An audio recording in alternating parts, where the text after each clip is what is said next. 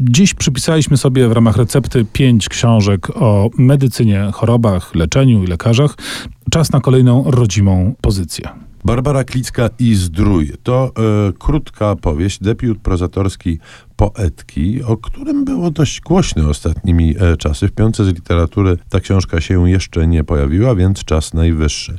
Zdrój to książka, która opowiada o warszawiance, to bardzo istotne, która pojawia się w uzdrowisku po raz pierwszy zresztą. Natrafia tam na koleżanki, na panie, które są starymi uzdrowiskowymi wyjadaczkami. Żadna z nich nie jest z Warszawy, co podkreślają przy każdej możliwej okazji.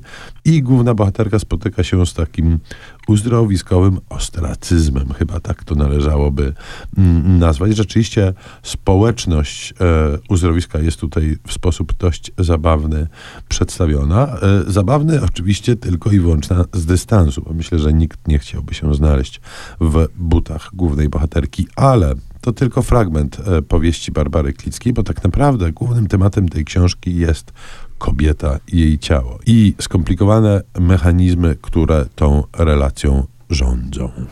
Bez uzdrowisk nie byłoby ogromnej części wybitnej często literatury światowej, ale zostawmy sielskie uzdrowiska i teraz zmierzmy się z brutalną rzeczywistością służby zdrowia. Trzymam w ręku książkę Pawła Reszki pod tytułem Mali Bogowie 2. Jak umierają Polacy. Mali Bogowie, część pierwsza, pierwszy tom jakby tego, no już w tym momencie cyklu Reszki, rzeczywiście z, zrobiło sporo zamieszania. Y, druga część jest kontynuacją opowieści. Ta pierwsza dotyczyła no, wziętej w cudzysłów znieczulicy lekarzy, bo to nie tyle chodzi o osądzanie lekarzy, tylko o pokazywanie bardzo trudnych warunków, w jakich działają. Y, w drugiej części swojego reporterskiego dzieła Reszka wsiada do karetki pogotowia, y, przebiera się w strój ratownika medycznego i opisuje twarde realia pracy ratowników medycznych. Wszyscy wiemy, że to praca ciężka, wszyscy wiemy, że bardzo marnie opłacana, a Reszka pokazuje to od środka. Pokazuje pracowników, lekarzy, szpitale, pokazuje absurdy systemu medycznego, ale przede wszystkim, to jest takim bardzo silnym aspektem i bardzo dużą zaletą tej książki, pokazuje tych ludzi, do których jeździ, e, jeździ pogotowie i to są zarówno ofiary wypadków, osoby ciężko chore, ale także ludzie, którzy no, w ten sposób poszukują kontaktu, dla których ten, to spotkanie z e, ratownikami medycznymi jest pewnego rodzaju formą walki z samotnością. Bardzo dynamiczna, e, taka trochę fragmentaryczna, pełna rozmów, przemyśleń, zapisków, opowieść reporterska, niewesoła, no bo jednak rzecz jest o no, śmierci w jakimś tam stopniu, ale rzeczywiście dająca do myślenia, dająca pewien impuls.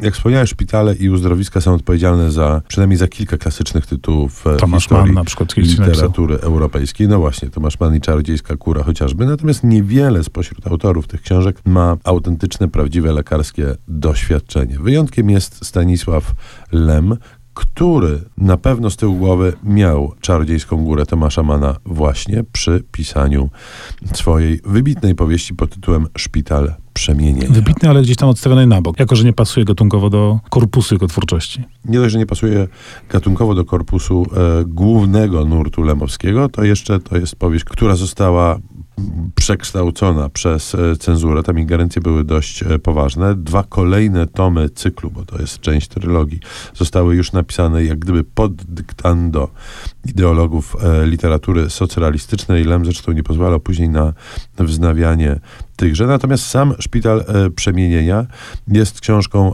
fantastyczną. Opowiada losy młodego lekarza, który w trakcie okupacji niemieckiej trafia do szpitala psychiatrycznego i tam zajmuje różnymi rzeczami, w tym autokuracją. To znaczy on toczy mm, takie boje sam ze sobą o zdrowie, no o to zdrowie najważniejsze jednak umówmy się, czyli o zdrowie duchowe.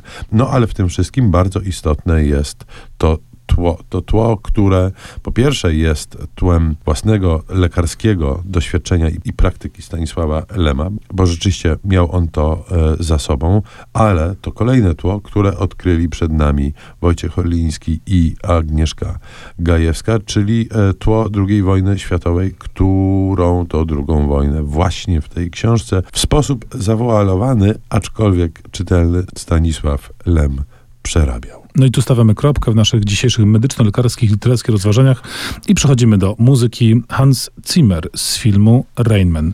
W końcu to też o specyficznym pacjencie.